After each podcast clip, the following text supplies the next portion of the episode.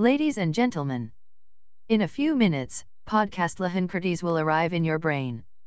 To all passengers who started the trip with podcast Lahankertes, please prepare your belongings.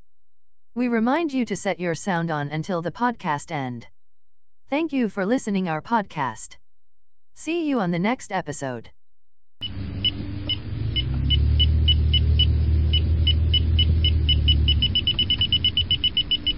Halo teman-teman, selamat datang kembali di podcast Lahan Kritis. Kali ini aku jadi moderator buat podcast kali ini. Pasti tentunya udah udah kenal sih teman-teman sama aku ya kan. Eh, nah kalau yang belum kenal, kenalin nama aku Raffi Nur, biasa dipanggil Vinur. Tapi kali ini aku nggak sendirian sih sebagai moderator buat nemenin teman-teman pendengar. Aku tuh di sini ditemenin sama seseorang. Mungkin bisa kenalan nih orang ini nih. Oke, eh, kenalin nih teman-teman eh, pendengar podcast Lahan Kritis, aku Yola. Eh, di sini aku bakalan nemenin Vinur buat ngobrol-ngobrol tentang perkuliahan di Fakultas Kehutanan sendiri. Ya betul, kita mau ngobrol-ngobrol tentang fakultas kehutanan ya kan. Ya. Mau ya sekalian kenalin juga kehutanan tuh apa sebenarnya. Nah tapi kita nggak cuma berdua yang ngobrolnya. Ya jelas dong. Kita eh, punya narasumber Iya. dari teman-teman kita sendiri Fakultas Kehutanan angkatan 2020 yaitu ada Raffi Restu sama, Ramadan Ahmad. Eh, mungkin bisa Kenalin. keluar nih suaranya nih orang-orang ini nih. Mana nih Raffi Restu dan Ramadan Ahmad? Hehehe. Ini siapa itu? Itu siapa? Itu boleh kenalan, boleh kenalan. Halo halo. Halo, halo, halo. Eh, aku Ramadan, biasa dipanggil Madan. Sebelahku ini ada Ah, halo. Hai. Hai, hai, hai. Aku Raffi Restu, bisa dipanggil Raffi. Nah, Raffi yang ini ya, beda sama yang itu ya. Yang itu, yang itu yang mana ini? Yang, Yang- ini. Oh, yang moderator mungkin. Aku dari Gear 20 juga sama seperti teman-teman yang lain di sini. Eh, sebelum kita masuk ke topik yang lebih dalam nih, Lebih dalam. ya, aku mau tanya dulu nih. Kalian nih eh, milih di bidang kehutanan itu karena apa sih? apa alasan kalian milih kehutanan jadi jenjang pendidikan selanjutnya itu apa milih kehutanan ya. Eh ini restu, restu orang tua. Maksud orang tua Ya, Oke. teman saya namanya Restu soalnya. paling dong iya dia nulis itu dong anda kan mandun anda Oh ya udah, kan alasan begitu. apa nih berarti nih ini sih eh, keresahan yang karena saya kan tinggal di gunung. hmm. Ya itu tadi kayak ada erupsi atau bencana alam yang khususnya dari Gunung Merapi ya. Karena saya anak Gunung Merapi.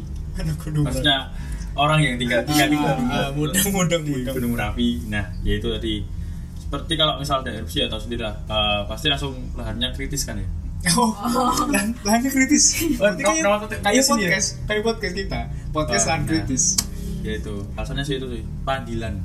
panggilan Assalamualaikum kehutanan. Waalaikumsalam Mas Madon Nah, kalau dari aku sendiri alasannya itu berawal dari ini ya SMA itu aku ikut eh, pecinta alam ke naik gunung juga terus kayak aku pengen punya wadah sama ke depannya itu bergerak di bidang lingkungan gitu loh meskipun kalau sekarang aku juga nggak ikut pecinta alam eh, kan kalau peduli alam itu kan nggak harus lewat pecinta alam ya betul banget sih menurut aku Setuju, setuju. kehutanan ini juga merupakan salah satu pintu atau wadah buat aku buat nuangin kepedulian aku terhadap lingkungan nih. Mungkin itu sih alasannya sama panggilan-panggilan dikit lah panggilan panggilan hati Oh panggilan hati. Iya. Berarti Dalam hampir sama, ya? hampir sama kayak Madun juga panggilan tadi ya.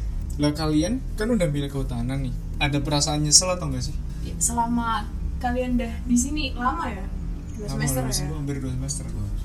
Sekarang bahkan udah di semester akhir di semester 2 ya mau masuk semester tiga Kalau dari aku ya, eh, ini sih yang nyesel banget sih kita masuk Fakultas Kehutanan di era pandemi. hmm. Di, bahkan di awal-awal era pandemi itu ada kayak eh, terlalu lama kita bergerak sama ini sih eh, platform-platform yang seharusnya tuh kalau nggak ada pandemi itu nggak ada Hmm. seperti Zoom dan kawan-kawannya. Zoom, Webex gitu gitu ya. Seharusnya kan kita bisa keluar masuk kampus, Iya, hutan, lab itu sih yang buat sekarang nyesel. Oh, mungkin dari ini ya, dari vibes gitu ya. Nah, iya. Vibesnya kurang, belum kehutanan banget mungkin. Kalau nyesel milih kehutanan sih nggak ada ya. Enggak ada. Lost doll. Lost doll. Lost doll, lost doll. Siap. Eh, kalau aku aku sendiri nyesel ya kalau ditanya nyesel tuh nggak ada soalnya apa ya pilihan hidup tuh pilihanku sendiri buat masuk kehutanan itu kan pilihan aku sendiri jadi kalau nyesel sih nggak ada. Cuman kecewa aja kayak yang tadi disampaikan sama tuh kita masuk ke kehutanan di awal era pandemi jadi masih banyak penyesuaian gitu kan mungkin kalau sekarang ya udah udah agak tertata gitu kuliahnya. Kalau awal-awal itu bisa kan beradaptasi lah. Ya kalau awal-awal itu kan masih kayak aplikasinya apa aja terus cara makainya gimana aja kuota gitu. habis. Ya itu juga. Terus sebenarnya itu masalah-masalah yang apa ya sebenarnya nggak kita temui kalau nggak ada pandemi nah itu apalagi kita kan kehutanan nih yang banyak laprak gitu kan Wih, laprak. Apa tuh laprak? apa tuh apa tuh? laprak apa nih Odon? laprak ya laprak tuh laporan Laporan. laporan praktikum Laporan praktikum. Karena ya itu yang sudah kita tahu ya, klaster agro itu ya identik sama laprak. Jadi kayak udah jadi makanan sehari-hari ya. teman dekat Teman deket. Waduh, itu teman deket doang. ya. Teman aja. Teman hidup. Teman hidup oke. terus kalau eh, kalian nih kan udah kayak kenal banget sih sama eh, suasana di fakultas kehutanan sendiri. Eh, sebelum kalian eh, kenal ini pasti kan kalian punya eh, kayak ekspektasi gitu buat masuk ke sini atau first impression gitu. Apa sih first impression kalian masuk ke sini? Ini sih ekspektasinya nggak muluk-muluk Hmm. cuma ini pengen lebih dekat dengan alam ekspektasi ekspektasi awalnya ya. terus ya tadi kayak lagunya ekspektasi kan Gimana tuh? seindah realita Waduh. realitinya malah ketabrak pandemi jadi ya dekat-dekat dengan kasur lagi lah tidur lagi jadi cuman ya cuman di kamar lah dengerin kuliah yang seharusnya bisa di kampus teman-teman Heeh, ya. ya jadi di luar ekspektasi sih sebenarnya Jadi kurang semangat ya kesannya ya. ya sering di PHB juga katanya semester 2 kemarin kan katanya ada rencana offline Hmm. nggak jadi ya jadi kecewa sih kan tergantung situasi juga sekarang kan ya kalau dari Raffi gimana Raffi? kalau dari aku ekspektasiku di hutan itu kan uh, cukup ini ya cukup cukup tinggi bisa dibilang soalnya aku udah survei maksudnya nanya-nanya ke kakak tingkatku yang di SMA yang masuk ke hutanan juga terus nyari di internet segala macam konsultasi sama guru-guruku. Uh, kehutanan tuh kayak gimana sih? Kehutanan tuh jurusannya tuh ngapain aja gitu-gitu. Udah banyak referensi juga gitu kan. Terus pas masuk itu kok malah online? Nah itu kembali lagi terbentur pandemi. Soalnya ini pandemi agak gimana gitu ya. sangat disayangkan ya berarti Iya. Padahal kita udah udah semangat banget udah nyiapin mental udah nyiapin pikiran buat terjun di kehutanan. Ternyata ada pandemi. Ya gimana lagi sih ya? Soalnya masalah ya bencana nggak ada yang tahu. Tapi hebatnya fakultas ini tuh eh, walaupun kita nggak seperti biasanya kalau nggak ada pandemi. Hmm. nggak seperti cerita-cerita kakak tingkat kita yang ngasih tahu kita semasa SMA di kehutanan ini tetap seru sih tetap eh, materi-materinya walaupun disampaikan secara daring walaupun kita nggak ketemu tetap seru sih. Berarti ya walaupun kecewa karena pandemi ya tetap ada ada seru-serunya ya. Ada yang ada senangnya gitu. Ada senangnya ada yang ngobatin kita lah ibaratnya sama rasa kekecewaan itu. Tapi kalau menurut aku ya dinamika kehidupan kampus di kehutanan juga eh, asik juga sih Iya, sebenarnya nggak terlalu berat kayak kata-kata orang gitu. Kadang ya namanya juga kata-kata orang ya kan? Padahal kan kita yang ngerasain belum tentu seberat kata-kata itu gitu. Iya, betul. kalau menurut kamu gimana Raf? Dinamika kehidupan di kampus kehutanan sampai sekarang ya dinamika yang aku rasain di kehutanan itu asik sih. Soalnya hmm, terlepas dari akademik yang kita belajar eh, belajar matkul di kehutanan laprak juga yang bertubi-tubi ya kan? Ada juga kan UKM juga organisasi eh, yang akhir-akhir ini mungkin hmm, sedikit demi sedikit mulai apa ya mulai aktif eh, lewat offline-nya. Mengingat pandemi masih berlangsung juga covid masih naik eh, organisasi ini mungkin organisasi dan UKM ini mungkin bisa apa ya bisa jadi obat kita buat ngerasain suasana kuliah yang offline itu. Betul betul. Sedikit demi sedikit mungkin gitu. Asik sih total overall asik sih. Dinamika di kalau dari aku sih dinamika kehutan di kehutanan sih ini sih melengkapi kepingan yang hilang. Proses ini Ngeri, ngeri. diri. Siap siap siap ya aku bersyukur sih masuk di sini bertemu dengan orang-orang baru teman-teman baru suasana baru lingkungan baru yang arahnya ke positif. Ya mampu membawa aku yang jadi lebih dewasa lagi dengan amanah-amanah baru juga. Alhamdulillah. Keren sih kehutanan. Maksudnya eh, walaupun ada pandemi gini dinamikanya tuh tetap nikmat untuk dinikmati. Mudah mudah mudah mungkin ini juga ya bisa jadi apa ya pengalaman yang tak terlupakan guys soalnya betul betul. uh, pandemi kan uh, Baru kalau- kali ini iya, kita temuin gitu. ada 100 tahun sekali kan kalau lihat siklus dari sejarah yang kemarin-kemarin mungkin juga pengalaman yang unik tersendiri di angkatan kita gitu. Melihat kita masuk di awal pandemi yang nggak dialami sama banyak orang gitu. Ya cerita kita ini bukan cerita ini sih kayak cerita turunan yang Cerita tiap tahun pasaran. ada.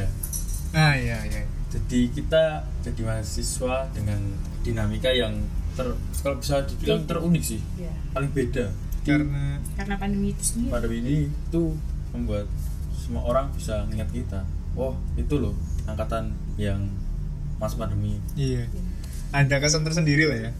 Ya ya walaupun ada beberapa kecewaan lah euforia euforia yang harusnya bisa lebih meriah dari Ah. sekedar ini di BPSMB, BPSMB Pelestari juga kan euforianya mungkin secara online nggak se ini nggak semeriah saat offline juga kan Iya, betul. Ah, kalau aku ngerasain ya suka-suka di sini tuh ah, nggak ada yang lebih berat nggak ada yang lebih ringan ya sama-sama jalan gitu loh sama-sama ya seimbang sih. Ada sukanya Ada ada dukanya.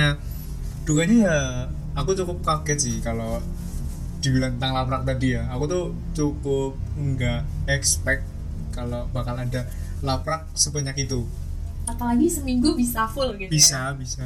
Nah itu tuh ya aku tuh belum nyiapin apa ya nggak berpikirnya sampai ada laprak sebanyak itu sih. Ekspektasi lah. Ah, aduh ekspektasi.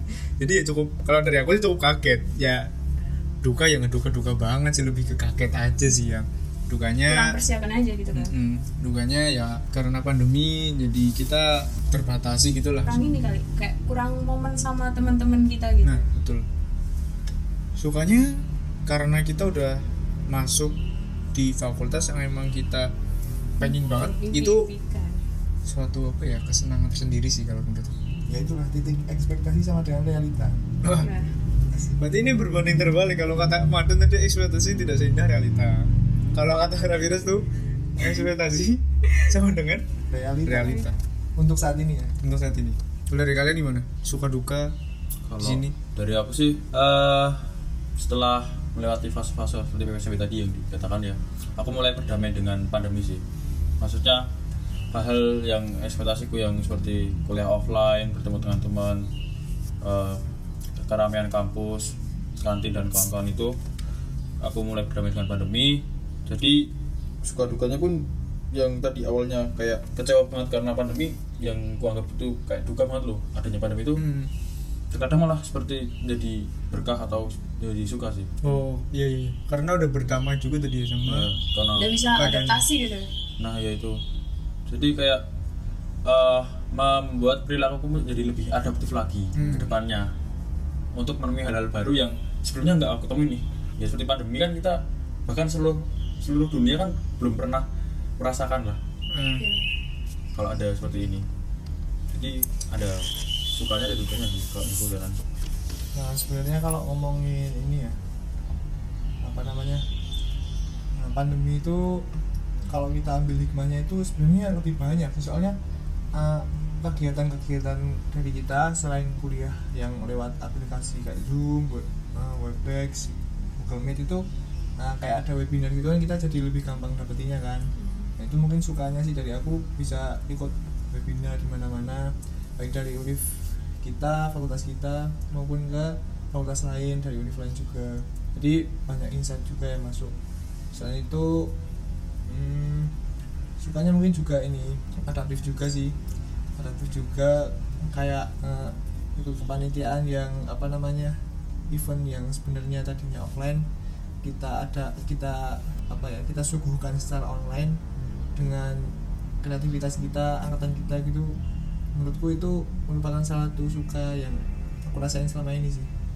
Hmm, terus sih ngomong-ngomong tentang event online terus kita kuliah juga online kan biasanya tugas-tugas tuh jadi kayak bias gak sih? Oh, oh ya susah dipisahin tuh loh. Ya ya betul. Mana yang deadline-nya lebih cepat mana yang lebih lama. Kalau dari aku sendiri ya pengalamanku seperti itu sih. Kayak tiba-tiba eh, deadline-nya itu dinamis banget tuh loh. Yang event kan banyak event kan tiba-tiba minta tolong ya hari ini gini gini gini. Hmm. padahal di hari itu kita udah nyiapin tenaga buat ngerjain suatu laporan praktikum. Jadi kita ada ini sih ilmu nyambi atau bisa bahasa agamanya ya multitasking lah. maksudnya? ya. menaikkan menaikkan ini produktivitas kita kan. Kalau bisa offline kan kita nggak mungkin kan rapat sambil ngelaprak kan? Nggak bisa nggak bisa. Nah karena pandemi juga kan jadi ada ilmu baru. ya seperti itu sih. Itu ya walaupun sebenarnya secara etika itu nggak etis ya nggak itu dilakukan. Juga kayak apa terkesan kurang baik gitu kan ya sama sama kita. Iya sih. Kalau sukanya mungkin itu kalau dukanya mungkin ya karena terlalu banyak mantengin layar ya jadi jadi matanya matanya itu capek aja gitu loh. Kadang sehari bisa sampai 12 jam lebih kadang buat laprak. Kadang 24 Capek jam juga gitu. Iya. ya capek mata. Dengerin apa? Capek kuota. recordan, capek kuota capek storage-nya penuh. Saking banyak yang record iya record, record doang kadang nggak sampai sampai sempat ini loh nggak sampai sempat buat nonton lagi loh. iya soalnya udah ditimpa lagi record baru. Iya tapi udah ada niatan lah paling. Jadi pandemi itu eh, banyak kayak eh, ada sukanya gitu ya? Apalagi kalau ini kalau kita lihat dari permasalahan kehutanan nih eh, pada masa pandemi ini kan juga kayak mm, mungkin hutan-hutan yang dulunya tersentuh manusia jadi kayak gara-gara pandemi manusianya jadi berhenti buat beraktivitas jadi kayak apa ya terbengkalai Eh, ini lebih jadi lebih bagus gitu iya iya awal pandemi kan pas zaman kita ini apa namanya pembatasan social Nah itu yang PSBB itu kan Hmm. ada berita naik juga kan kalau uh, kadar pencemaran udara berturun kan. Oh, Ya itu sih berkah pandemi. Ya manusianya dibatasi tapi buminya sudah disehatkan menurutku. Tapi di sisi lain juga kalau hutan kan apa ya kalau ada PSBB juga ini kan hmm, jauh dari pantauan. Jadi mungkin ada oknum-oknum yang mungkin mengambil kesempatan saat itu saat lengahnya kita mengawasi juga. Ya ada plus minusnya sih. Eh, bener sih. Aku setuju. Ya balik lagi di samping pandemi yang terjadi cukup lama berarti sudah setahun kan ya? Satu setengah. Satu ya? setengah. Iya. Oh. Udah mau ulang tahun anniversary aja lewat kan? Iya. Nah itu ya berdampak baik bagi lingkungan karena ya emisi karbon berkurang Hmm. tapi di sisi lain juga kita eh, kurang Beban manusia yang dinamis ini jadi dibatasi lagi. iya dibatasi lagi jadi eh, pohon-pohon juga kita jarang ya karena kita dibatasi ya kan kegiatannya ya ibaratnya kasarnya jarang nengok jadi nggak tahu juga ada tangan-tangan nakal atau oknum-oknum yang nggak bertanggung jawab ngelakuin semena-mena sama hutan kita. Nah ini sih eh, ada relevansinya sama urgensi adanya pendidikan kehutanan sama kondisi hutan saat ini. Menurut aku ini ada relevansinya banget. Lah kalau menurut teman-teman gimana sih? Urgensi Eh, kalau aku sih ini setuju. Ada ada banget urgensinya. Mungkin ada penjelasan lain dari teman-teman apa sih urgensinya sama kondisi hutan saat ini? Eh, kalau di kehutanan tuh nggak perlu tentang hutan sih. Sepengalamanku dua semester ini tuh kita juga belajar tentang eh, masyarakat tentang pengelolaan hutan di masyarakat terus sosial ekonominya terus tentang pembudayaan pembudayaan juga terus eh, mengenai pemanfaatan dan dari sini tuh bisa dilihat juga kalau kehutanan itu juga pengaruh dengan konservasinya juga. Terus dipecah menjadi empat minat ya? Empat minat. Nah, pembagian empat minat di kehutanan itu atau departemen eh, yang pertama itu ada manajemen hutan yang garis besarnya itu eh, mempelajari tentang inventarisasi terus sosial ekonomi yang berkaitan sama hutan. Dan juga silvicultur yang fokus ke budidaya hutan penanaman begitu. Ada THH atau teknologi hasil hutan yang bahas tentang produksi eh, hasil hutan ini berupa kayu atau non kayu terus ada juga KSDH nah KSDH ini fokusnya ke konservasi. Ya seperti konservasi satwa liar mungkin gitu. Eh, mau nambahin dikit doang sih. Jadi di konservasi sumber daya hutan juga belajar tentang pariwisata. Jadi nggak cuman yang muluk-muluk tentang konservasi sumber daya hutannya doang. Itu sih kalau teman dari aku. Eh, dari empat departemen itu nanti kita lulusnya tetap eh, bergelar sarjana kehutanan ya kan? betul. Sarjana hutan. Ya itu maksudnya. Nah eh, dari sarjana kehutanan itu nanti kita kan pastilah eh, setiap setiap jurusan tuh punya prospek kerja masing-masing.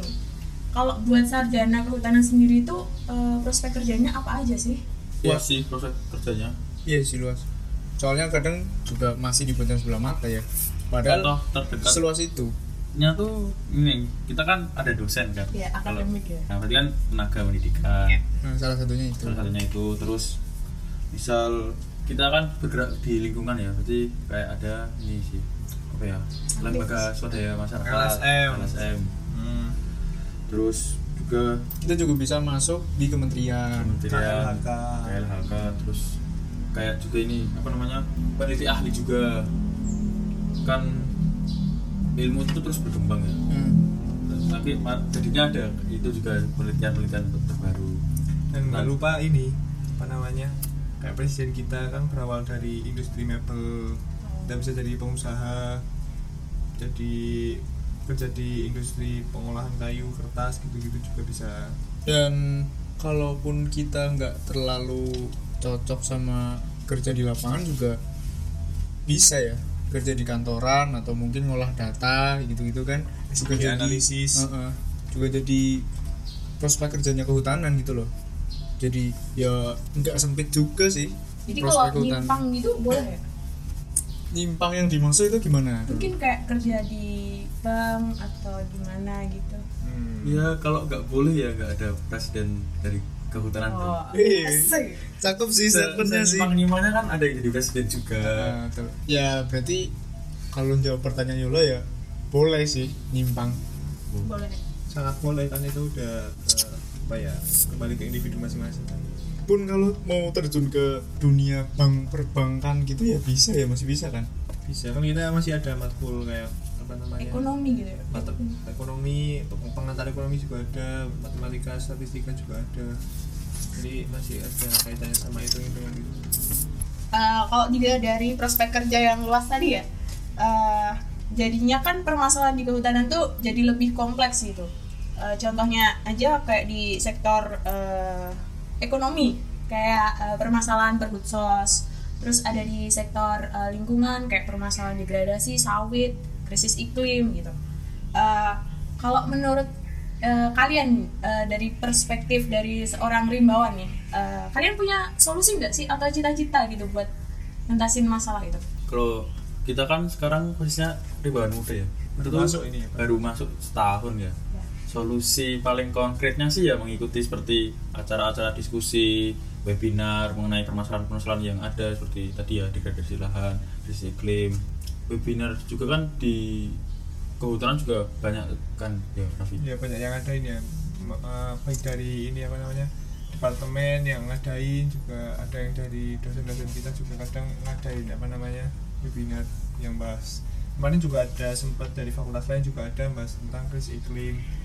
Eh, terus yang baru ini tuh juga ada ini yang kemarin eh, rangkaian disnatalisnya KMMH Iya. itu juga mem- mem- membahas tentang per- Perhusos. perhusos itu Dari- juga dilihat dari sudut pandang yang berbeda juga dari kehutanannya dari hukumnya. Hmm. itu sih apa solusi konkret dari kita orang-orang mahasiswa. Eh, rimbawan muda yang baru masuk secara online ini. Tapi jangan lupa slogannya rimbawan muda berani beda Rimbawan punya iya iya iya. Jangan lupa kita kan masih rimbawan muda bro. iya benar-benar semangat muda itu harus harus banget lah. Gila. Jadi lebih ke itu ya kayak webinar gitu ya? Ya soalnya nambah-nambah ini dulu nambah-nambah insight dulu nanti di dikolaborasikan dengan, dengan Iya, diskusi-diskusi diskusi setelah juga. kita mendapatkan materi di webinar kita kan juga bisa mengikuti kayak acara-acara diskusi yang ada. Iya, iya. ya itu langkah konkret lah. Sebagai seorang mahasiswa yang notabene adalah agent of change. Karena ya Abot banget. Karena ya balik lagi sih kita melakukan upaya solusi ya sesuai kemampuan kita ah, kapasitas kita. betul. Karena Realistis kalau ya, realistis. kita Realistis. terlalu apa ya daki-daki itu Daki-daki. daging-daging itu apa, mas? Daki-daki itu apa ya eh, manjat-manjat. Terlalu bukan bukan gini gini berlebihan. Terlalu berlebihan. Ah, ya, terlalu berlebihan terus belum seharusnya kita bahas itu. Oh, iya. bukan kapabilitas kita Nah, itu sekarang gitu itu loh. maksudnya susah banget ngomong itu kapabilitas. Atau mau diujo sama aku. Kapabilitas. Harus diujo dulu. K pa bi litas oh, oke. Apa? gitu kapabilitas. bisa. oke oke. Terus eh, ada nih statement bahwa semakin banyak sarjana sarjana apa nih sarjana kehutanan Oh, oke. ya kan kita kehutanan Oh. iya dong masa dong. sarjana oh my God. sarjana kehutanan maka hutan itu rusak kalau dari perspektif kalian ya sebagai eh, rimbawan muda ya Eh, kalau dari perspektifku ya semak- semakin banyak sarjana kehutanan semakin rusak hutan kita hmm. Hmm, kalau menurutku kembali ke kesadaran individu masing-masing sih. soalnya sekalipun mau sarjana mau apa S2 kehutanan S3 kehutanan kalau nggak ada kepedulian nggak ada langkah yang konkret buat uh, nyelesain atau memulai langkah kecil buat nyelesain masalah-masalah tadi kayak krisis iklim de- degradasi yang terus terus terjadi sampai sekarang ini uh, yang nggak bakal selesai gitu. Tapi juga kalau, kalau kesadaran diri itu kan nggak bisa secara apa ya secara spontan. Uh, ada gitu loh harus dilatih juga harus di apa ya disebarkan gitu. Ini itu sih dari aku Eh, mengenai itu ya statement semakin banyak sarjana kehutanan maka hutan rusak itu tuh kayak satu apa namanya keterkaitan dengan statement masyarakat mengenai kehutanan kehutanan itu ya kayu. Hmm. karena mereka melihatnya eh, demand demand tuh kayak permintaan permintaan kayu yang meningkat pasti kan juga akan merusak hutan. Nah mereka tuh nge ngesamain kita seorang sarjana ini dengan permintaan kayu yang semakin meningkat. Itu sih. Jadi ada benarnya juga sih sebenarnya dari statement masyarakat seperti itu tapi ya balik lagi seperti yang dibilang Raffi tadi bahwa per- ada perlu adanya ini namanya apa namanya komitmen bersama untuk menjaga hutan agar tidak rusak. Menyamakan ini ya mas visi misi ya mas. Visi misi. Dari berbagai pihak baik dari pemangku kebijakan terus baik dari masyarakatnya masyarakatnya juga dari terus kita lulusan mahasiswa. mahasiswanya. eh tapi keren banget ini sih keren udah, banget ya? udah menyempatkan waktu loh. Kapan lagi? obrolan kita dari tadi keren-keren keren. Sih. Biasa lah. Anak kehutanan biasanya Anak sibuk. sibuk. Yang diutamakan kan laprak dulu. Iya. Laprak dulu baru podcast. Apa kembali nih Don? Ya laprak laprak. Sekolah spot podcast. Kalau nggak gitu? Tipes. Oke. Tapi sebelum kita eh, nutup podcast nih nih eh, aku pengen eh, dengar satu kata aja buat kehutanan sendiri itu apa? Dari kalian? Satu kata kehutanan. Wangun. Bangun Mam. kalau dari aku wangun pol. Waduh. Itu bukan satu kata dong. Eh tolong nggak ada spasinya? Oh, bangun bangun pol. Iya. gitu ya. atau ini kali pol aja. Jadi biar disambung wangun pol gitu. Iya kita melengkapi Oh, boleh. iya. Boleh, boleh. Oh, oke oke oke kan kita di Indonesia sepaket dulu Oke. V nya tuh di sini kan? Jangan ngomongin V di sini, Mas. Kita di belakang layar ngomongnya. oh boleh Em, sebelumnya makasih nih buat eh, kalian narasumber nih. Udah nyempatin eh, waktunya buat ngobrol-ngobrol sama kita tentang Fakultas Kehutanan sendiri. sama-sama. Sama-sama buat apa moderator sama podcast lagi ini sudah udah ngajakin kita buat ngobrol di sore hari ini. Sore Eh, kembali lagi mungkin teman-teman disclaimer ada disclaimer ini dari kita dari aku Mantun sama teman-teman di sini kalau kok jadi sedih? Gak usah sedih, gak apa-apa, santai aja.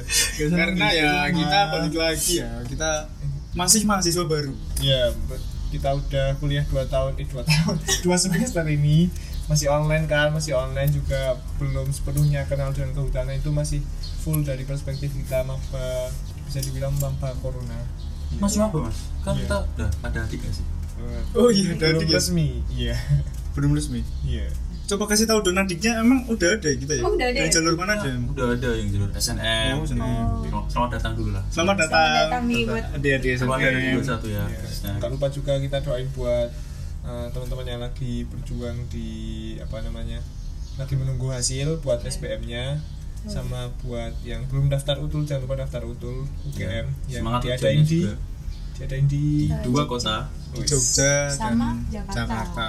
Yoi bener banget yang penting daftar iya Yang penting daftar. Jangan lupa pilihannya. Nomor Yoi. satu, ditanya. jangan lupa doa, jangan lupa usaha, jangan lupa dengerin podcast Lahan Kritis. Sampai jumpa kembali di episode selanjutnya di podcast Lahan Kritis dan terima kasih.